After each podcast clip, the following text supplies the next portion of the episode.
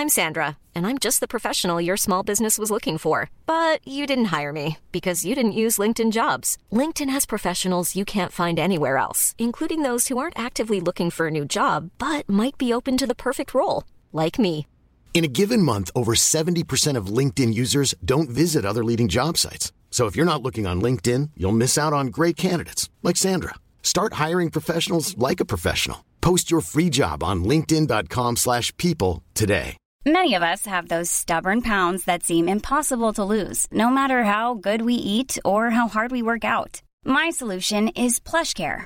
PlushCare is a leading telehealth provider with doctors who are there for you day and night to partner with you in your weight loss journey. They can prescribe FDA-approved weight loss medications like Wagovi and Zepbound for those who qualify. Plus, they accept most insurance plans. To get started, visit plushcare.com slash weight loss. That's plushcare.com slash weight loss. Hey, it's Ryan Reynolds, and I'm here with Keith, co star of my upcoming film, If, only in theaters, May 17th. Do you want to tell people the big news?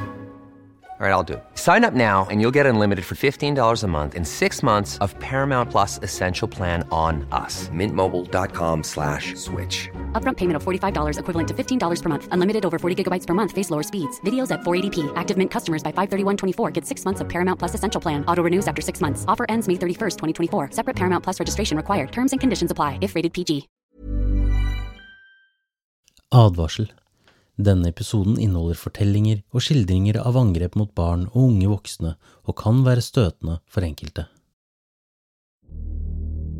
Det var tidlig på sommeren i 1764, og en ung kvinne hyrdet familien storfe ved Mercoire-skogen i nærheten av Langon i det østre delen av Gévaudan i Frankrike. Plutselig ser hun et slags monster nærme seg med øynene låst på henne. Hun følte seg frosset til bakken av ren skrekk, for beistet som nærmet seg med en bøyd, bred nakke og stirrende, ondskapsfulle øyne, var noe hun aldri hadde sett før. Heldigvis for kvinnen reagerte også oksen i flokken på dette truende udyret og angrep. Oksene klarte å holde vesenet unna, og snart forsvant det like plutselig som det hadde dukket opp. Kvinnen flyktet tilbake til landsbyen i panikk, og snart skulle hennes beskrivelser av det som forsøkte å angripe henne, spre seg i området, og helt til det kongelige hoff i Versailles. Dette er historien om beistet fra Gévaudan.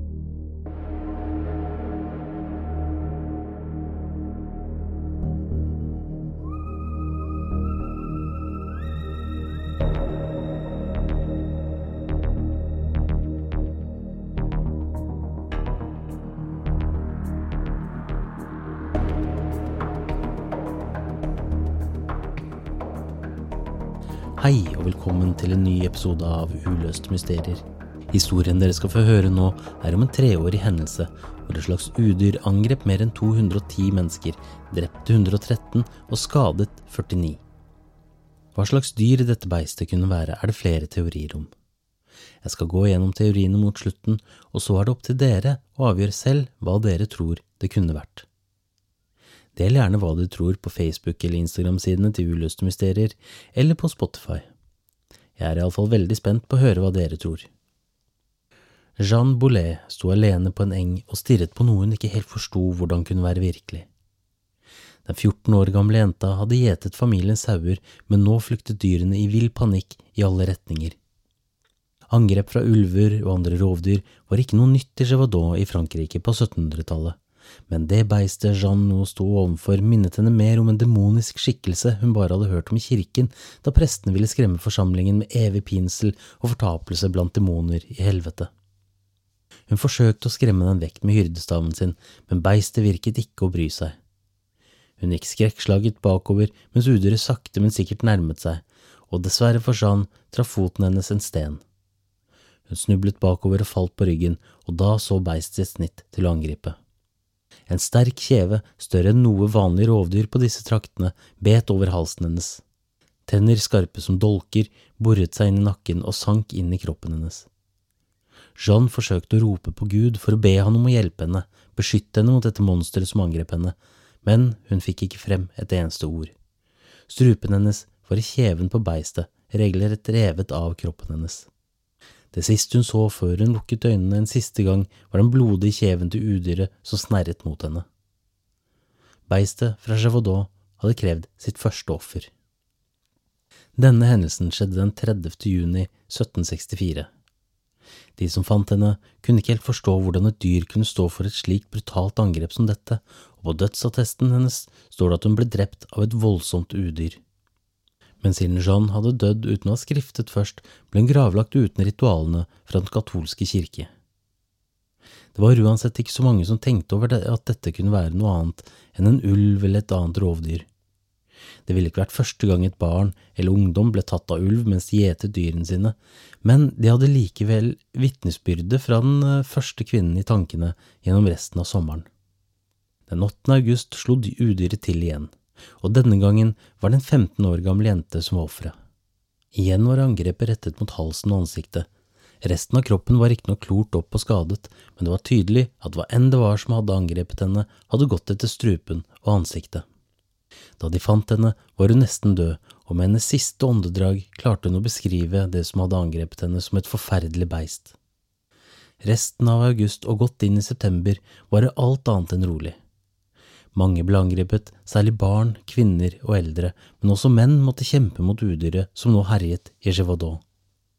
Men det merkelige var at hva enn det var som angrep dem, så gikk det så å si aldri etter dyrene, kun menneskene som fulgte dem.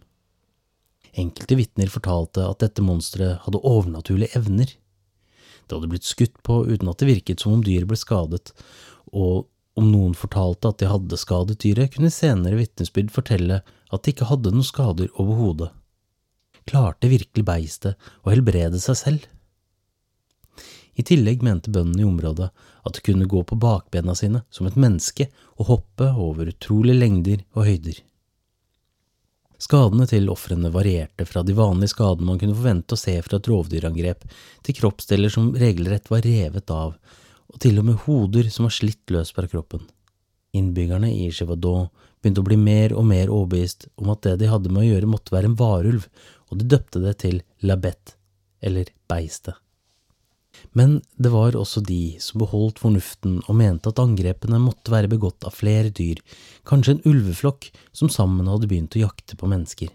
Det hadde tross alt vært enormt mange brutale angrep på forholdsvis kort tid, og angrepene hadde skjedd så tett på hverandre at det virket unaturlig at kun ett dyr sto bak terroren. Noen kilder fra datiden fortalte også at det var observert yngre dyr sammen med beistet, noe man antok kunne være dets avkom.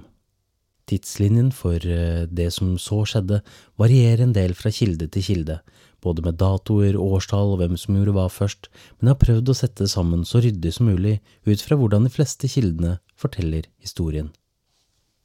Kong Louis den 15., som slet med penger etter syvårskrigen mot eh, England som varte fra 1756 til 1763, hadde beordret den lokale kapteinen Jean Baptiste de Mal og hans 57 dragoner til å finne og drepe udyret. Kapteinen så på dette som en utmerket mulighet for å fremme sin egen karriere, og la ut på jakt høsten 1764. Da Dumal og mennene hans ankom landsbyene i Gévaudan en våt septemberdag i 1764, ble de møtt med kalde skuldre. Syvårskrigen mot britene hadde kostet landet dyrt, og bøndene i landet hadde gått fra å være fattige til å bli lutfattige. De hadde derfor ikke så mye til overs for de militære som nå marsjerte inn i landsbyen deres, da de så på dem som en forlenget arm av kongen, som de nå begynte å få sterkere og sterkere mistro til. Kapteinen var uansett optimistisk og mente at de skulle klare å felle et simpelt dyr innen kort tid. Men selv om kaptein Dumal var forholdsvis kjent i området, oppdaget de fort at oppgaven var mye større enn de trodde. Været var helt forferdelig, med både regnvær og kald vind, og det kuperte terrenget i Gévaudan gjorde jakten vanskelig for soldatene. Dumal var heller ingen jeger, og forsøkte å benytte seg av taktikker fra slagmarken, noe som feilet miserabelt til tross for at enkelte kilder mente han klarte å samle oppimot 20 000 frivillige som saumfarte skogen og i fjellene i Gévaudan. Men til tross for den intense jakten fortsatte beistet å drepe. Dumal forsøkte til og med å kle ut soldatene sine som kvinner for å friste dyret til å angripe dem, men det virket som om det skjønte at det hele var en felle som ventet da ingen soldater ble angrepet. Kapteinen skrev rapporter tilbake til kongen om hva de jaktet på.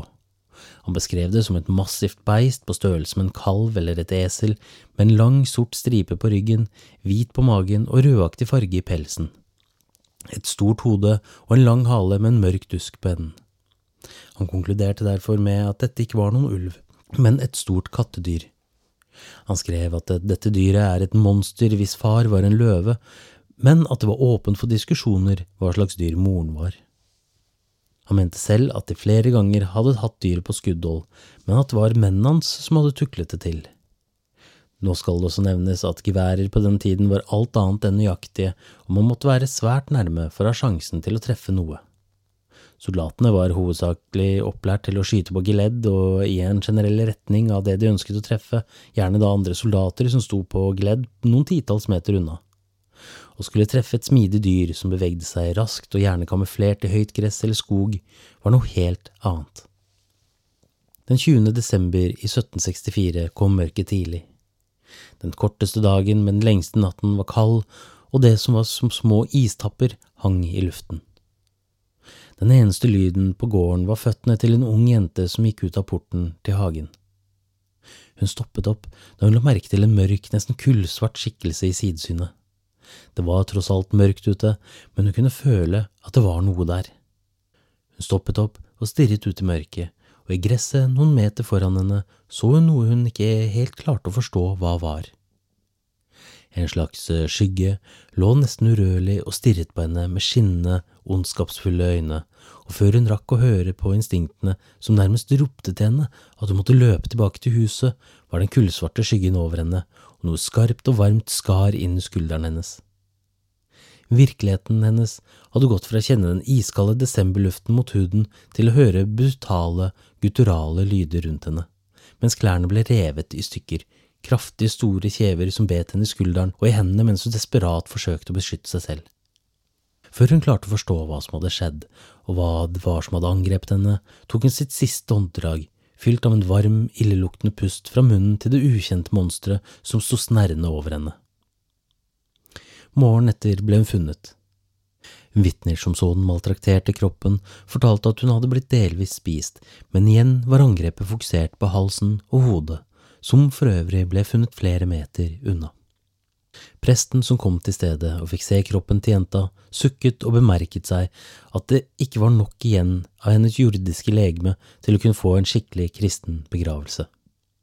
Den tolv år gamle jenta var den tjuende personen som hadde blitt angrepet av beistet, og den trettende som hadde blitt drept. Den 31. desember sendte biskop eh, Gabriel Florent de Josel Bapré en befaling til prestene i området. Alle prester skulle fortelle sine sognebarn at beistet var en straff sendt fra Gud for å straffe menneskene for deres synder, og alle skulle derfor be og gjøre bot. Biskopen mente dette åpenbart var en form for rettferdighet fra Gud, og prestene skulle derfor be i 40 timer hver uke i tre uker men til tross for geistlighetens bønner fortsatte det som etter hvert ble betegnet som en massakre. Innen januar var over, skulle 26 personer bli angrepet. Voksne menn overlevde som regel angrepene, og av de elleve som døde i januar, var så å si samtlige under 16, og flere enn halvparten var jenter. Bøndene gikk sammen og utlovte en dusør på 1000 livre for den som kunne felle beistet, men til tross for at flere lokale jaktlag forsøkte, var det ingen som fikk has på udyret. Nyhetene om hva som foregikk i Gévaudan begynte å spre seg i Frankrike. Det ble skrevet utrolige historier sammen med like skremmende bilder av et monster som angrep kvinner, barn og eldre. Noen av historiene var regelrett overdrevet for å selge aviser, mens andre historier var ganske nøyaktige.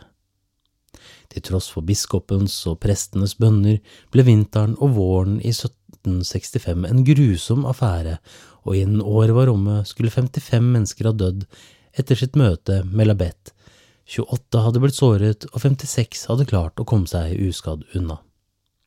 Den 12. januar i 1765 var Jacques Bortefat og sju andre barn fra landsbyen Villaret angrepet av beistet mens de gjetet dyrene sine. Barna flokket seg sammen, og med lange pinner som de hadde bundet fast kniver på, klarte de å holde udyret på avstand, men Jacques ble skadet i et av de flere angrepene mot barna. De klarte etter hvert å jage beistet til skogs, og nyheten om de åtte barna som under ledelsen av Jacques hadde klart å jage dyra av gårde uten at noen døde, nådde først hovedstaden og deretter kong Louis den 15. Kongen ble så imponert over historien til barna at han ga Jacques 300 livre og en utdannelse på statens regning. Resten av barna fikk 350 livre på deling. Men kanskje viktigere fastslo kongen at han nå skulle bidra med å finne og drepe beistet ved å ta grep om situasjonen i Gévaudan, men før noen ble sendt ut for å jakte, ble nok en tolvårig jente drept, maltraktert og delvis spist av udyret. Kongen hadde nå endelig fått nok av Dumals åpenbare inkompetanse til å felle det brutale beistet. I stedet sendte han i februar 1765 sine egne ulvejegere, Jean-Jacques Vamels, Denval og sønnen hans Jean-Francois, som hadde felt mer enn 1200 ulver i karrieren. Det ble fort klart at kapteinen og ulvejegerne var svært uenige om hvordan de skulle gå fram. Der Dumal hadde organisert store jaktlag, mente far og sønn Denval at man måtte benytte seg av smidighet og kløkt. Kongen var åpenbart enig med ulvejegerne og sendte derfor Dumal og mennene hans tilbake til brakkene sine. Far og sønn hadde med seg åtte blodhunder som var spesialtrente til ulvejakt, og i løpet av de neste fire månedene felte de store mengder med ulver, men angrepene fortsatte i like stor skala som før. En beretning fra den 14. mars 1765 forteller om Jeanne Jouve. Hun sto ved døren til huset sitt med sine tre barn, og før hun visste ordet av det, så hun at datteren hennes ble røsket tak i og båret av gårde av et enormt beist av det hun trodde kunne være en ulv. Jeanne gjorde som enhver mor høyst sannsynligvis ville gjort, hun løp etter og klarte å tvinge udyret til å slippe jenta. Men det løp ikke vekk slik et vanlig rovdyr kanskje ville gjort. I stedet angrep det et av Jeans andre barn, Jean-Pierre. Jean kastet seg nok en gang over dyret og sloss med bare nevene for å få det til å slippe sønnen, men ikke før eldstesønnen kom til unnsetning, klarte de å få dyret til å slippe guttungen, for det løp av gårde inn i skogen. Dessverre døde seks år gamle Jean-Pierre fem dager senere av skaden han ble påført i angrepet. Innen april 1765 hadde nyhetene nådd flere andre land i Europa, deriblant Frankrikes erkefiende England, som gjorde narr av det franske kongehuset som visstnok ikke engang klarte å få has på et simpelt dyr. Det kan riktignok virke som de engelske skribentene ikke helt forsto hva de lutfattige bøndene i Gévaudan sto ovenfor. På vårparten kikket en mann ut av vinduet fra huset sitt og så udyret snike seg mot en 15 år gammel saueeter. Mannen ropte på brødrene sine, og sammen tok de med seg geværer for å beskytte gjetergutten, og kanskje til og med drepe beistet som terroriserte landsbygda. De gikk til angrep og skjøt mot det enorme dyret, og kunne sverge på at de fikk inn flere fulltreffere, men til deres store forskrekkelse så det fullstendig uskadd ut idet det løp tilbake til skogen. Mennene tok opp eh, jakten og lette etter blodsporene de var sikre på de ville finne, men nei, de fant ingen spor etter dyret, verken blodspor eller andre spor. Det var som forsvunnet i løse luften. Gjetergutten slapp unna med skrekken, men senere den ettermiddagen ble nok en kvinne drept av beistet. Den 24. mai mistet de lokale tålmodigheten med en nedvall da beistet angrep og kritisk skadet 20 år gamle Marguerite Martin. Like etter, bare noen kilometer fra der hvor Marguerite ble drept, ble en elleve år gammel gutt tatt. Men heldigvis for han klarte naboer å jage vekk udyret før det fikk dratt gutten med seg inn i skogen. Men angrepene for denne dagen var enda ikke over. Like etter ble en gutt og ei jente angrepet, og 13 år gamle Marie Vallée ble drept. Gutten som var med henne, fortalte at han forsøkte desperat å jage beistet vekk, mens det fremdeles spiste på Marie. Han løp deretter for å hente hjelp, og da de returnerte, fant de kun det hodeløse og halvspiste liket av Marie. Denvall bestemte seg for å forsøke å lokke beistet i et bakholdsangrep ved å legge seg skjul i nærheten av liket, men det dukket aldri opp igjen. I stedet dukket det opp enda noen kilometer borte, hvor det angrep 18 år gamle Marguerite Bonnet og flerret av henne klærne på overkroppen med klørne sine. Heldigvis for Marguerite kom 16 år gamle Pierre Tanavel til unnsetning og angrep beistet med et improvisert spyd. Ifølge Pierre skadet han dyret slik at det flyktet. Da kongen fikk høre om hva som hadde foregått den 24. mai, ble han rasende. Ikke nok med at beistet ydmyket kongemakten på denne måten, men både militæret hans og hans mest ærverdige ulvejegere hadde bidratt til å forsterke denne ydmykelsen. Kongen sendte derfor dragoner, soldater og profesjonelle jegere ledet av sin egen hoffjeger, løytnant Francois Antoine. Den 23. juni red det noe pompøse følge inn i landsbyen Malsieu for å erstatte far og sønn Denval, som etter en måneds tid slukøret måtte returnere tilbake til Normandie med uforrettet sak. Men først måtte de innfinne seg på hoffet til kongen, hvor kongens ydmykelse måtte overføres til den rette instans, nemlig de mislykkede ulvejegerne. For å best beskrive hva som ventet dette nye jaktlaget, skal dere få høre en fortelling om hva som skjedde da løytnant Antoine kom til en landsby en regnfull junidag i følge med en sersjant og soldater som alle var veteraner fra syvårskrigen. Løytnanten selv hadde visstnok ingen erfaring fra krig, han var av en pariserfamilie som tilhørte overklassen, noe som hadde sikret han stillingen i kongens hoff som blant annet offiser av Det kongelige soverom, en riddertittel Den kongelige militære orden av Saint-Louis, i tillegg til å være kongens våpenbærer og kongens personlige leder for jakt. Ifølge fortellingene var det nokså åpenbart at sersjanten og mennene hans så ned på løytnanten som en soldat, men respekterte han til en viss grad for stillingen han hadde. Antoine hoppet av hesten sin da de kom inn på torget. Han gikk bort til en rad med tre kropper som lå dekket til, mens landsbyboerne som hadde funnet dem, sto rundt og langet ut mot både kongen, militæret og overklassen. Løytnant eh, Antoine lot seg ikke hisse opp av skjellsordene som haglet, men satte seg i stedet ned på kne i gjørmen og løftet på det ene lakenet en av kroppene var dekket til med.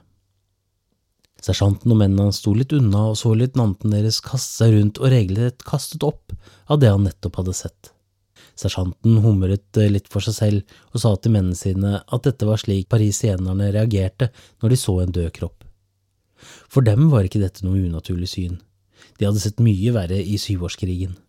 Det var iallfall det sersjanten trodde da han selvsikkert gikk bort til kroppene og tittet under et av lakenet. Sersjanten frøs til, la lakenet på plass og snudde seg likblek mot mennene sine før han begynte å bjeffe ut ordre om at de skulle ta oppstilling rundt landsbyen og skylte på alt som rørte seg i det høye gresset som omkranset dem.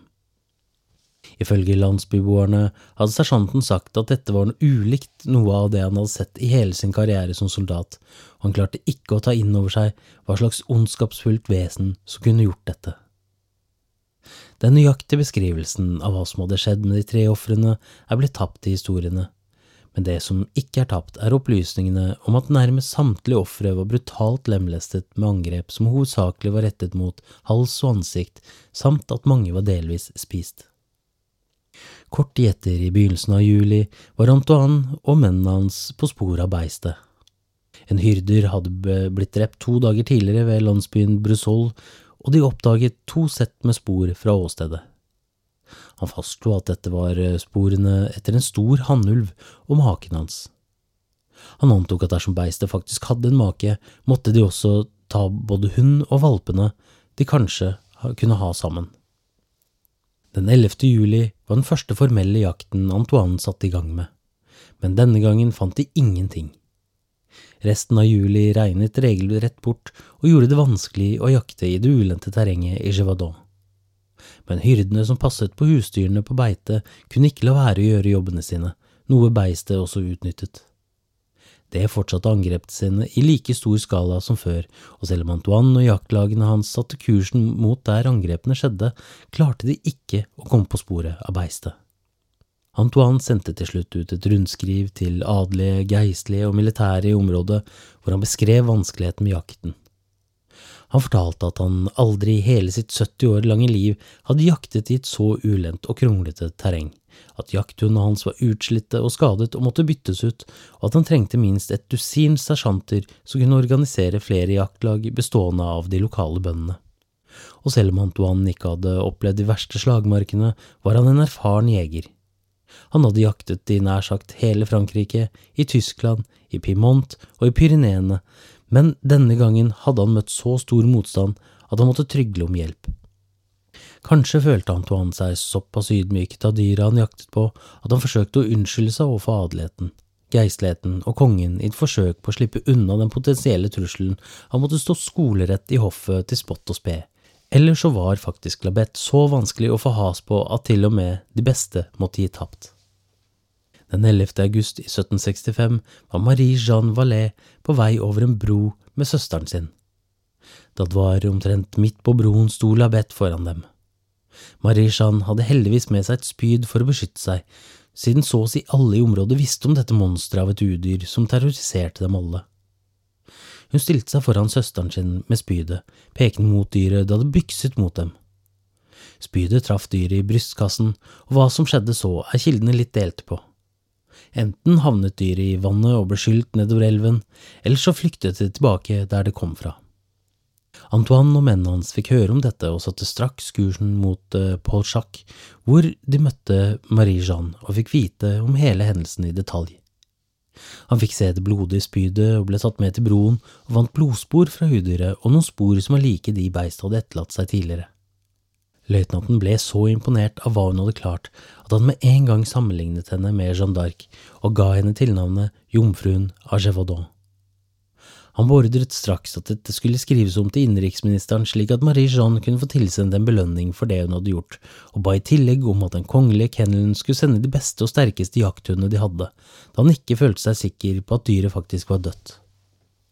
I alle tilfeller ble det ikke noe gratis utdannelse eller pengegave på Marie Jeanne, men 230 år senere, i 1995, ble det reist en statue til hennes ære. Den 19. august deltok Antoine og mennene hans på en messe for Den hellige ånd, hvor flere adelige og geistlige deltok. Det hadde ikke vært noen flere angrep etter at jomfruen fra Chefaudot tilsynelatende hadde felt beistet, og alle følte seg sikre på at det årelange marerittet endelig var over. Det ble med andre ord endelig en feiring hvor samtlige Gévaudan følte seg trygge for første gang på over ett år, og både fyrverkeri, salutter og lyden av jakthorn rallet over festlighetene. Men den 2. september ble først en ung mann på 20 og deretter en kvinne på 22 angrepet av noe. De kunne ikke beskrive det i detalj, men hva enn det var, hadde det angrepet dem i mørket og revet opp klærne og gitt mannen kraftige blåmerker, mens kvinnen hadde fått flere bitmerker og rifter men én ting var de sikre på. Dette angrepet var begått av et enormt udyr, og det var bare flaks at de hadde vært i nærheten av hjemmene sine da det skjedde. Antoine og mennene hans ble sjokkerte da den nedslående nyheten nådde dem. Jakten var tilsynelatende slettes ikke over, og det ble ikke bedre av at angrepene fortsatte i større omfang enn før. Den 8. september gikk en ung jente på bare tolv år ut av huset sitt. Det var tidlig på morgenen, og disen lå lett over de nærliggende jordene men hun følte seg for en gangs skyld ikke bekymret. Hun gikk mot låven, men stoppet med ett opp. Noe var galt. Det var ikke noe hun så eller hørte, men hun kunne føle det. Hårene reiste seg i nakken hennes idet hun sakte snudde seg rundt. Hun ville skrike av full hals, men det var som noe hadde frosset i henne, og det hun sto øye til øye med, skulle jo ikke finnes mer. Hun så et beist, like stor som en av familiens kalver, som kunne minne henne om en ulv eller et annet rovdyr hun aldri hadde sett før. Hodet var iallfall mye større enn noen hund eller ulv hun hadde hørt om, og i den enorme kjeften så hun tenner som minnet mest om sylskarpe kniver. Den store, rødaktige kroppen bevegde seg mot henne med en bølgende bevegelse og med et blikk som var fastlåst på henne. Hun bestemte seg for å skrike, men før hun fikk ut en eneste lyd, hadde beistet hoppet på henne. Hun kjente skarpe tenner skjære gjennom strupen, og det eneste hun klarte å uttrykke var gruglingen av blodet som nå fylte munnen hennes.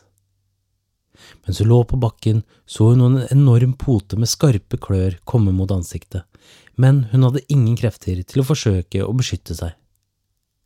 I stedet henga hun seg til den grusomme skjebnen som nå var uunngåelig, og heldigvis kjente hun ingenting etter at poten traff, og alt ble mørkt.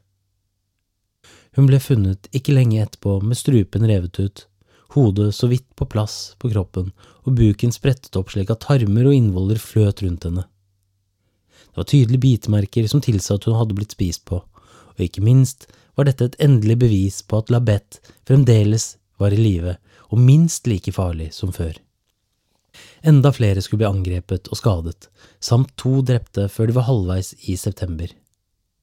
Antoine var nå på bristepunktet og var i ferd med å innrømme nederlag mens han skrev på avskjedigelsesbrevet han planla å sende til kongen. Men som skjebnen ønsket det annerledes, kom endelig forsterkningene Antoine hadde bedt om. Den 16. september gikk han igjen på jakt med nyfunnet vigør, friske jakthunder og enda friskere mot.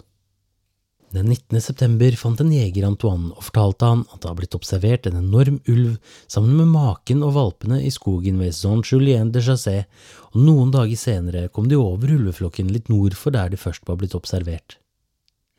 Denne gangen tok ikke Antoine noen sjanser og omringet hele skogen. 40 skarpskyttere satte seg til rette i trærne, og planen var å jage ulvene ned i en ravine, slik at de lett kunne skytes ovenfra.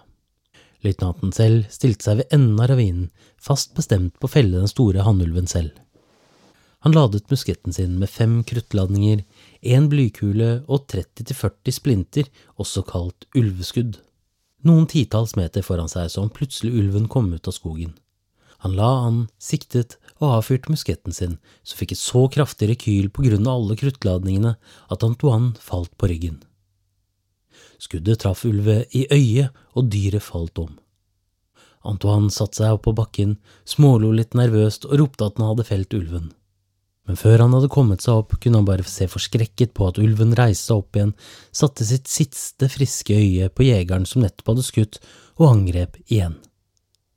Antoine visste at han ikke hadde sjans til å lade musketten sin på nytt, og dro frem kriven sin for å forsvare seg, selv om han innerst inne visste at han var sjanseløs dersom dyret nådde frem.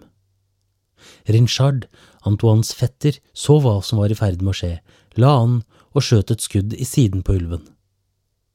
Til tross for at han hadde blitt skutt to ganger, klarte han å komme seg på ti–tolv meters avstand fra Antoine før den endelig falt død om. De hadde endelig klart å felle La Bette.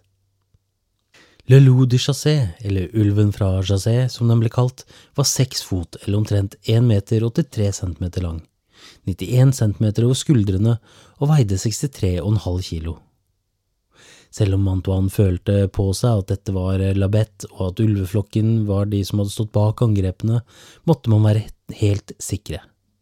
Derfor ble ulven obdusert, og til tross for at det ikke ble funnet noe menneskelige levninger i magen eller i innvollene til ulven, kunne flere vitner komme og bekrefte at dette var udyret som angrep dem. En av vitnene var Marie-Jeanne Vallet, jomfruen fra Gévaudan. Ulven ble stoppet ut og gjort klar til transport til Versailles slik at den kunne presenteres for kongen, men før Antoine lot seg selv og mennene slippe løs eh, jubelrop, måtte de felle resten av ulveflokken. Beises make og valper var fremdeles ute i det fri. Antoine tok i mellomtiden en snartur til Versailles med beistet slik at denne kunne vises frem for hoffet. Den 1. oktober ble Francois Antoine hyllet som en helt, og kongen kunne endelig beskue Labette med egne øyne. Kongen belønnet Antoine med en dusør på 10 000 livre som han fordelte mellom mennene sine, og beholdt kun en liten sum selv. Men kongen var ikke snauere enn at han syntes befolkningen også burde få ta del i denne enorme seieren, som han nærmest selv hadde stått for. Han stilte derfor den utstoppede ulven ut, slik at hvem som helst kunne komme og ta den i nærmere skue, mot en betaling, selvsagt. Antoine selv returnerte til Gévaudan så fort som mulig. Han skulle nemlig gjøre ferdig jobben han hadde blitt satt til å gjøre. Fra 22. september og ut i oktober jaktet mennene ustanselig, også da Antoine besøkte Versailles, og selv om den hvite maken til beistet ble felt tidlig i måneden, holdt de på helt frem til den 17. oktober, da Antoine selv felte den siste gjenlevende ulven fra flokken. På denne ulven oppdaget de noe rart, en liten detalj som jeg skal komme tilbake til litt senere. Den hadde et dobbelt sett med bakklør, noe som rett og slett var en misdannelse på dyret. Etter å ha jaktet på beistet i mer enn fire måneder, kunne Antoine endelig returnere til Versailles, hvor han nå kunne informere kongen om at også maken og avkommene til beistet var blitt felt.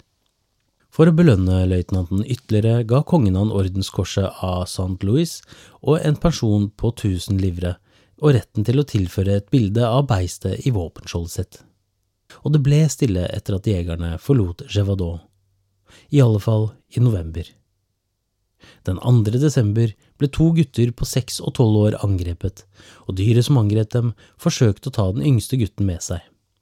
Heldigvis klarte tolvåringen å redde lillebroren sin ut av kjeften på det glupske dyret, og sammen kom de seg i sikkerhet. I samme tid meldte flere hyrder om et stort dyr som jaktet på dem, og som ikke viste noe frykt for storfe de passet på, slik rovdyr normalt ville gjort. Nærmere ett dusin flere ble angrepet, og innen desember var over, hadde to unge jenter til blitt drept. Det var også en dose tvil om hvorvidt dette faktisk var Labette, eller om det var vanlige ulver som sto bak angrepene. Ingen ville nok innse at beistet slettes ikke var dødt. En slik innrømmelse ville nemlig spredd mer frykt og uro enn hva som var godt for noen. Bøndene i Gévaudan forsøkte å skrive til kongen og fortelle at Labette slettes ikke var blitt drept av Antoine, men for hoffet og kongens del var dette nå et avsluttet kapittel. Hans egen hoffjeger hadde tross alt felt dyret med sin egen muskett og jaktet ned hele ulveflokken, og det er derfor ingen grunn til at noen, bønder inkludert, skulle utfordre kongemakten videre. Mediene hadde også mistet interessen, og det var dermed opp til de lokale godsherrene å løse problemet en gang for alle. Innen mars 1766 skjedde angrepene oftere enn noensinne, og til tross for at de forsøkte å legge ut forgiftet åte, fikk de ikke has på beistet. De fant derimot ut at angrepene ikke lenger skjedde så spredt som de hadde gjort tidligere, og selv om angrepene hadde fortsatt i stort monn gjennom hele 1766, roet det seg i begynnelsen av 1767. Vinteren i 1767 var rolig med så å si ingen angrep. Beboerne i Gévaudan turte riktignok ikke å håpe at beistet hadde vandret videre, enten i den fysiske eller åndelige verden, og det med rette. Da våren kom, fortsatte angrepene som før. Befolkningen visste rett og slett ikke sine arme råd lenger. Styresmaktene lukket både øyne og øre, og dermed var det bøndene selv som måtte ordne opp. Den 18. juni ved landsbyen Le Binieres ble 19 år gamle Jean Bastide funnet brutalt drept og maltraktert, tilsynelatende med samme modus operandi som Labette. Dagen etter, den 19. juni, satte marquis d'Apchier sammen et jaktlag. I dette jaktlaget var den 59 år gamle bonden og vertshuseieren Jean Chastel. Chastel var ingen nybegynner som jeger. Han hadde jaktet hele sitt liv, og da han kom på sporet av beistet, fulgte han det helt til de nådde bakkene ved fjellet Mont Mouget. Han syntes han så noe stort som bevegde seg sakte, men sikkert oppover fjellsiden, og klarte å komme på skuddhold av det han først tenkte kanskje kunne være en bjørn. Problemet var bare at bjørner ikke beveget seg slik som dette dyrordet, og da han kom nærmere, så han at dette måtte være det beryktede beistet. Han la an og trengte bare å fyre av ett skudd før Labette endelig falt om for siste gang. Da jegerne kom frem til dyret, ble de usikre på hva de faktisk så på. Det kunne ligne en stor ulv, men samtidig ikke. Den var rett og slett enorm i forhold til andre ulver og hunder de hadde sett, inkludert ulven Antoine påsto var beistet. Det var iallfall det som ble fortalt av jegerne og lokalbefolkningen som fikk se dyret. De fraktet kadaveret til slottet til marquis d'Abchier i Charry, hvor det ble obdusert av en kirurg ved navn Boulanger. Den kongelige notariusen Roche Etienne Marin skrev sirlig ned det Boulanger fortalte under obduksjonen, og denne obduksjonsrapporten er nå kjent som Marin-rapporten. Det er skrevet mange bøker og historier om La Bette de Gévaudan, og flere av disse historiene er basert på det som spredde seg på folkemunne i årenes løp. Flere av disse historiene og bøkene har blitt fortalt at det fant et kravebein fra en jente i magen til dyret, men det er feil. I marinrapporten og et annet dokument kjent som brevet fra Auvergen er de to eneste faktiske kildene om hva uh, dyrets mageinnhold var. De fant riktignok noe som tilhørte et menneske, nemlig toppen på et lårbein som hadde tilhørt et barn. Utover dette fant de arr fra skader som hadde blitt påført dyret, en skade fra en bajonett eller lignende type våpen over det venstre øyet og en skuddskade på venstre lår. Men det kanskje mest merkverdige med marinrapporten er beskrivelsen av størrelsen på dyret. Det passet nemlig med en stor ulv, og attpåtil ikke en særlig stor ulv. Den hadde i tillegg kun 22 tenner, hvorav en voksen ulv har 42. Utover det mente kirurgen at det ikke var noe usedvanlig ved dette dyret overhodet. Her kan det hende at noe har glippet i enten skrivingen eller i oversettelser av rapporten, da ulver har 22 tenner i underkjeven, men også 20 i overkjeven. Marin skrev fremdeles i rapporten at dette virket eh, å være en ulv, men et ekstraordinært tilfelle. Den lignet rett og slett ikke på eh, slik resten av ulvene i Frankrike var på den tiden, noe han også hadde fått nærmere 300 vitnesbyrd på. Med andre ord var det en helt vanlig, men ualminnelig ulv. I neste setning i rapporten skrev Marin at flere jegere og eksperter hadde sett på dyret og poengterte at dette ikke kunne være en ulv allikevel. Bakparten og kanskje halen kunne ligne på slik en ulv ville sett ut, men hodet var rett og slett altfor stort. I tillegg var snuten mye flatere enn på en ulv. Rapporten motsier med andre ord seg selv, noe som kan gjøre det vrient å vite hva man skal tro på. På en side har man vitnesbyrd og flere år som beskriver et enormt beist med en glupsk appetitt, som var stor som en kalv, med et enormt hode og tenner store og skarpe som kniver. På den andre siden har man en rapport som beskriver en helt alminnelig hannulv, og samtidig at ulven var svært ualminnelig, med kroppsdeler som ikke var likt noen ulv de kjente til. Kraniet ble målt, og det viste seg at målene virket under gjennomsnittlig for en ulv.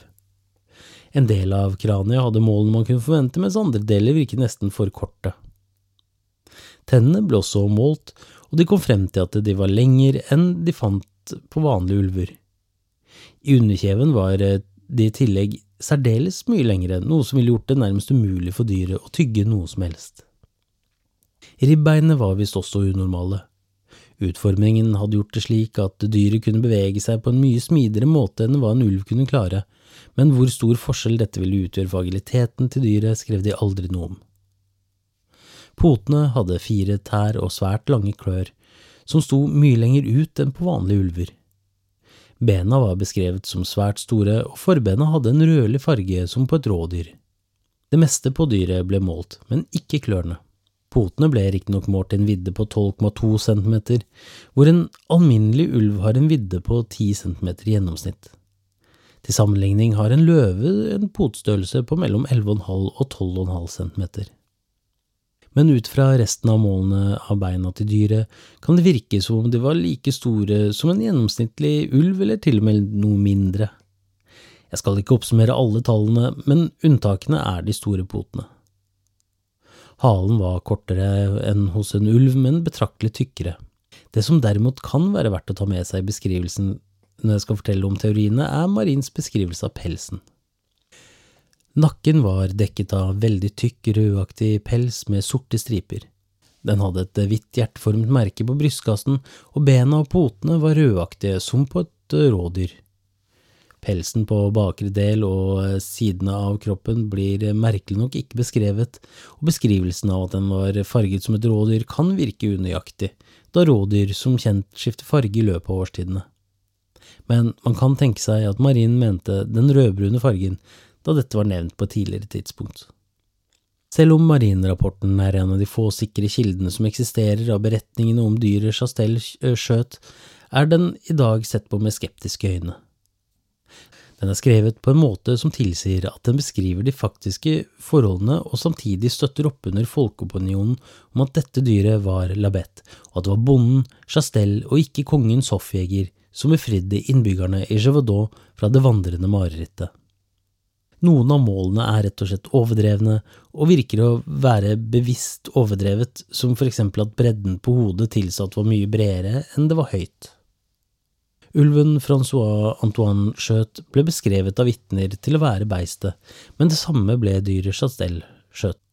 Det kan tenkes at vitnene enten fortalte det de oppriktig trodde var sannheten, eller så kan det hende at de rett og slett sa det de trodde var forventet av dem, særlig om det var kongens egen utsending som sto for utspørringen.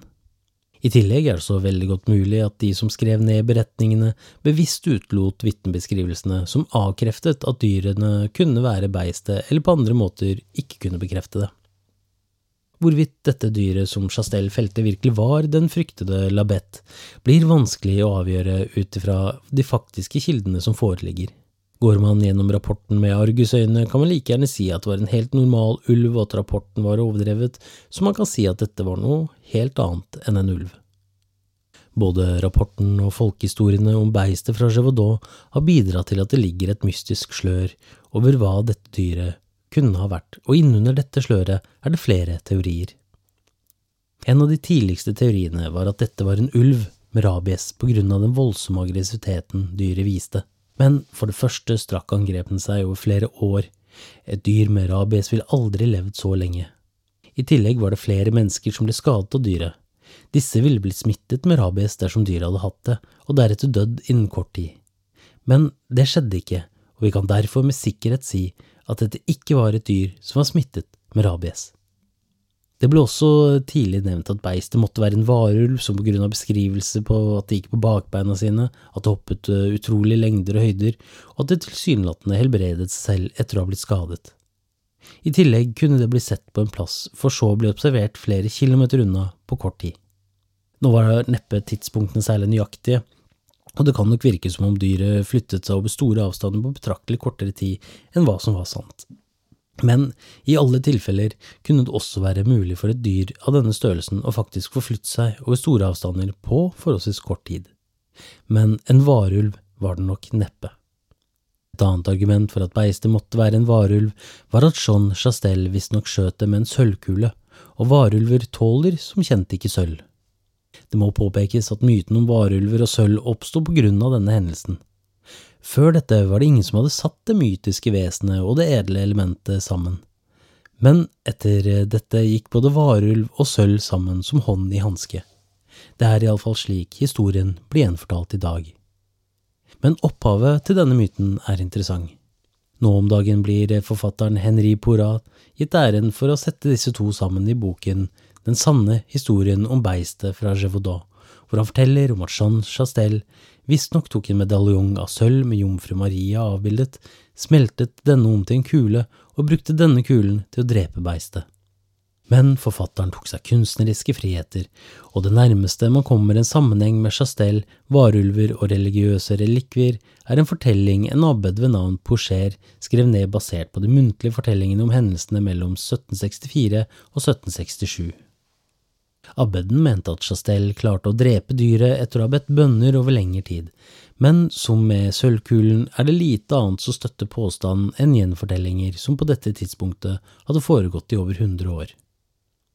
Andre fortellinger av varulvteorien sier at det var Chastel som var den virkelige Labette, og at han, etter å ha funnet ut hvordan han kunne kontrollere varulvformen, sluttet å drepe mennesker men det er jo selvsagt ingen bevis eller dokumenterte kilder på disse påstandene.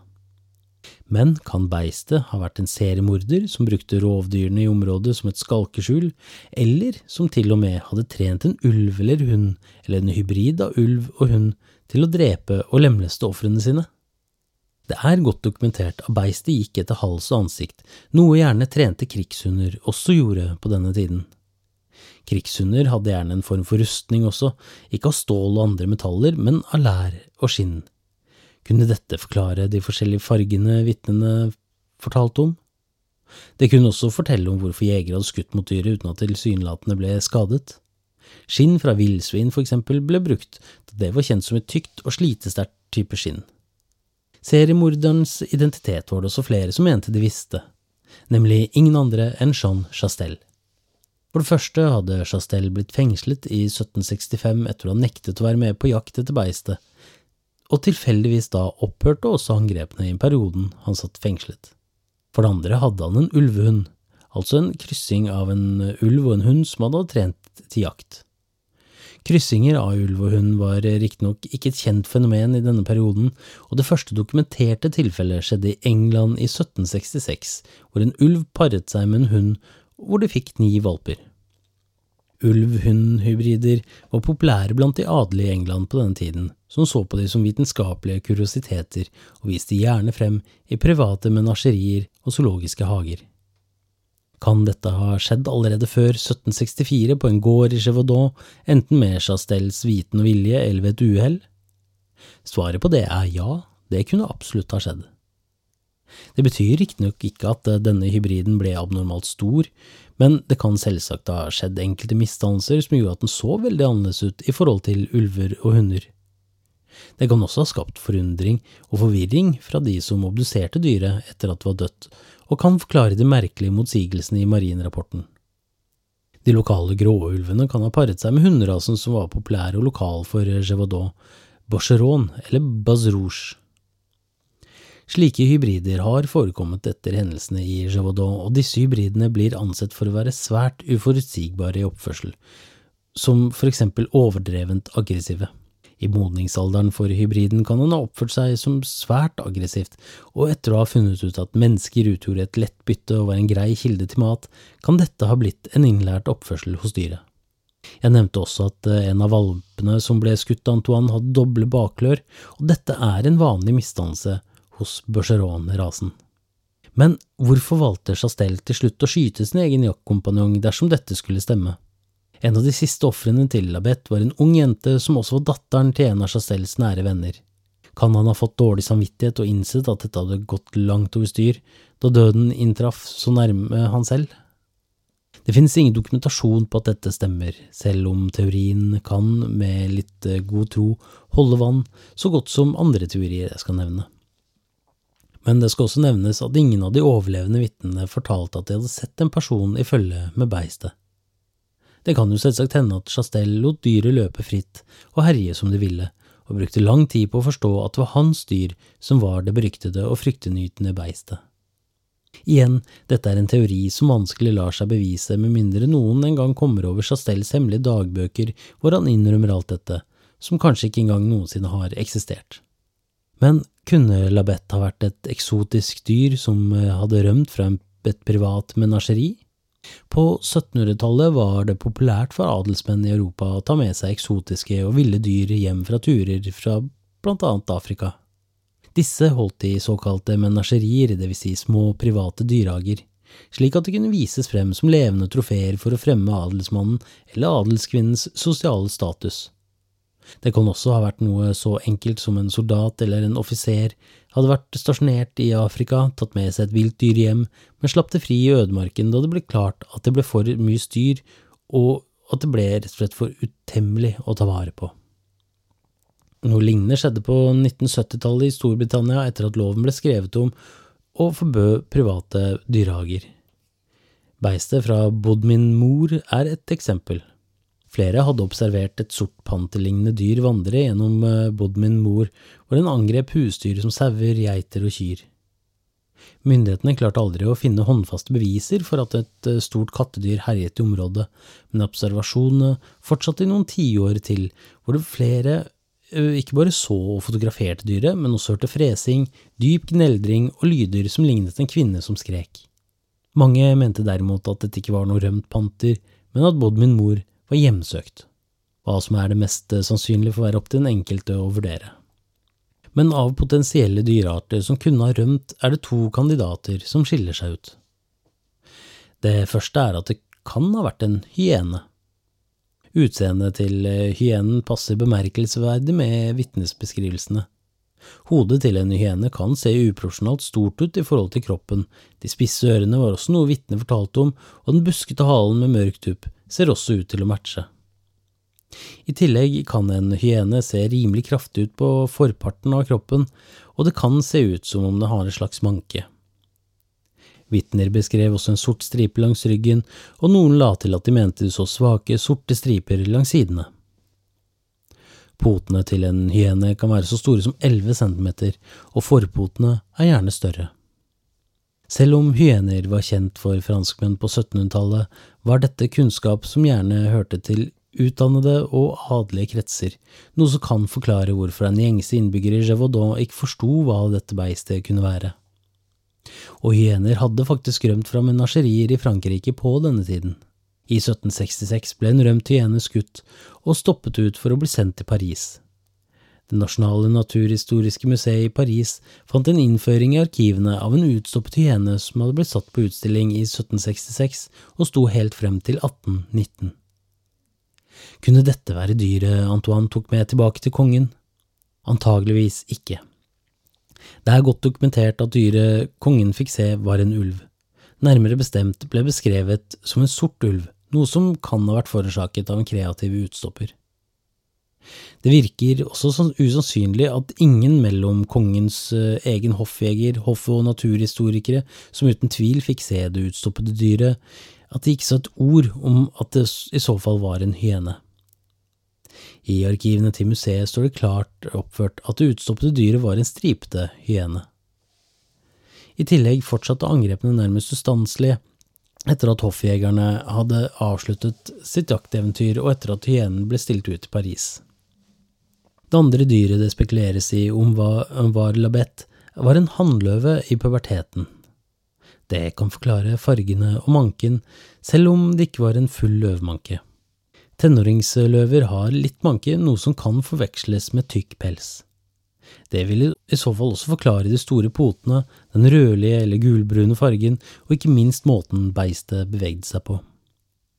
Størrelsen på området hvor beistet jaktet passer også med hva en løve ville gjort, og måten dyret jaktet på og angrep ofrene sine, passet forbausende med måten løvene fra Savo gjorde. Menneskeeterne fra Savo, spøkelset og mørket var to løver som i 1898 jaktet på og drepte og spiste over 130 mennesker på under ett år langs jernbaneutbyggingen mellom Kenya og Uganda. Riktignok ble kun 30 ofre dokumentert, men dette var bare de indiske arbeiderne. De afrikanske ofrene ble aldri dokumentert. Begge løvene ble etter hvert felt, og den andre løven måtte skytes hele ni ganger før den døde og dette var med betraktelig mer moderne rifler enn en muskett.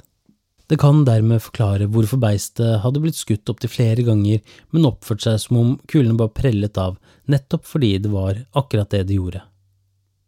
Men man kan være ganske sikre på at dersom en løve hadde blitt felt i Chevadon av enten Antoine eller Chastel, så ville de sett det. De ville nok aldri sammenlignet eller forvekslet en løve med en ulv. Med dette pareres gjerne med at dyret aldri ble skutt, men døde i skogen etter å ha spist forgiftet åte. Det er riktignok ikke funnet noe bevis for at levninger etter en løve er funnet i skogen i Gévaudan, men Dumal hadde sett dyret med sine egne øyne og beskrev det som om at det måtte ha en løve til far. Nøyaktig hva han la i det, er det derimot ikke kjent. Forskere og eksperter har i årevis forsøkt å finne ut av gåten om hva slags dyr beistet fra Gévaudan faktisk var, og det er gjort som både kaptein Dumal og løytnant Antoine gjorde da de ankom Gévaudan. De brukte Occams barberblad. De mente at den letteste og mest fornuftige forklaringen uten for mange tilfeldigheter var at disse angrepene var blitt gjort av flere forskjellige ulveflokker. Ulveangrep var slettes ikke unormalt i Frankrike på denne tiden. Mellom år 1600 og 1800 ble det registrert nærmere 9000 angrep på mennesker utført av ulv. Riktignok var brorparten av disse angrepene utført av ulver med rabies, men ikke på noe tidspunkt i løpet av 200 år var det noe som matchet omfanget av angrepene i Gévaudan. Selv om jaktlag felte hele ulveflokker i området, fortsatte angrepene tross alt omtrent samme tempo gjennom tre lange år, og opphørte ikke før Chastel felte det folket mente måtte være labett. Etter det ble det ikke registrert flere brutale angrep i området, men det betød ikke at angrep fra ulv ikke fortsatte. I Gévaudan var det riktignok en nedgang i angrepene etter disse tre årene, men hvis man ser på det storstilte ulvejaktene som hadde foregått, er ikke det merkelig i det hele tatt. Overdrivelser i vitneutsagnene som igjen har blitt overdrevet gjennom uh, årenes løp, er heller ikke unaturlig forklaring på hvordan ti ulver ble til én. Men det som i så fall er rart, er at ulvene valgte å gå etter mennesker fremfor husdyrene. Samtidig ville det være naturlig at det fokuseres mest på for eksempel at et barn ble drept enn en sau. Selv om det i rapportene fra Gévaudan skrives at kun mennesker ble angrepet mens dyrene fikk være i fred, er det ikke sikkert at dette stemmer. Det kan ha vært eh, et ledd i å få hjelp fra myndighetene for å få bukt på et stadig økende og farlig rovdyrproblem. Tidspunktet for Labets eksistens er også interessant.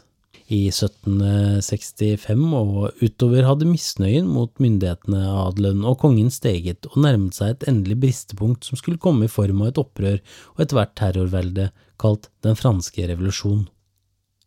Den 14. juli 1789 ble Bastillen stormet, nesten nøyaktig 25 år etter det første angrepet fra beistet. Men misnøyen mot kongemakten og staten hadde begynt flere år før, ja til og med noen år før Labette spredte frykt i Gévaudan. Økte skatter og provinser som nektet å akseptere dette, gjorde at murringen spredde seg sakte, men sikkert gjennom nasjonen. Det var nok med god grunn at kongen følte at beistet var en direkte utfordring mot hans makt, og denne metaforiske motstandskampen spredde seg som ild i tørt gress da media begynte å rapportere om hva som foregikk i Gévaudan. For mange franskmenn ble hele historien nærmest en metaforisk kamp mellom bonden og overmakten som skremte dem fra sans og samling, men da kongens egen hoffjeger endelig felte beistet, ble media stille. For innbyggerne i Gévaudan var det bokstavelig talt en kamp på liv og død, men på utsiden kunne det fort se ut som en kamp mellom kongen og et symbol som gjorde opprør og motstand. Dette kan nok også forklare hvorfor en bonde og en vertshuseier i form av Chastel var den som det ble sagt felte beistet en gang for alle, at det måtte en vanlig innbygger til for å gjøre det som kongens egen hoffjeger ikke klarte. Det kan hende at angrepene som fortsatte etter at Antoine hadde felt ulven fra Chassé, rett og slett ble begått av helt vanlige ulver, at det ikke var noe unormalt mange angrep i så forstand. Det kan hende at de rapporterte angrepene rett og slett ble overdrevet på en måte for å fortelle kongen at han hadde feilet. Men hva skjedde så med dyret Jean Chastel skjøt? Ifølge historier på folkemunne ba marquis d'Apcher en tjener ved navn Gibert om å frakte beistet, eller i det minste hva som var igjen av det, til Versailles for å vise frem til kongen.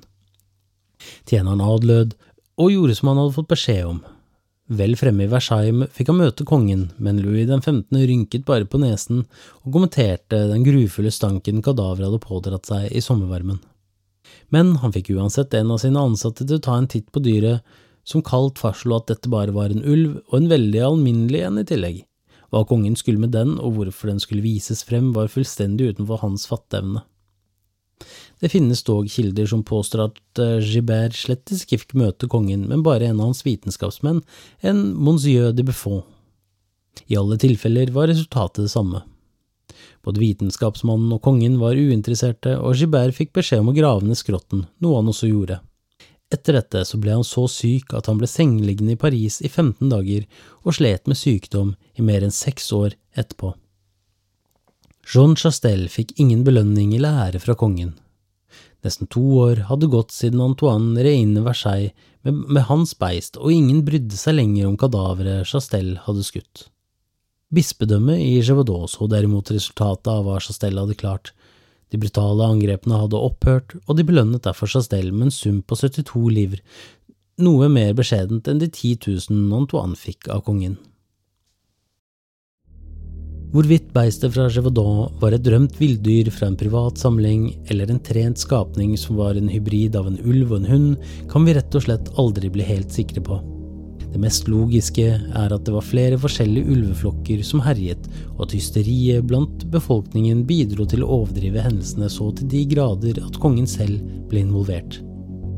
Mystiske ting har skjedd i naturen, og selv om det meste gjerne har en naturlig forklaring, forblir iallfall sannheten om beistet fra Gévaudan et uløst mysterium. Historiene om hva som hendte i Javadot har blitt fortalt og gjenfortalt så mange ganger at man i dag sitter igjen med historier om hvordan ting kunne ha uttatt seg, slik som skildringene av angrepene jeg har fortalt om i denne episoden. Takk for at du har lyttet. Vi høres.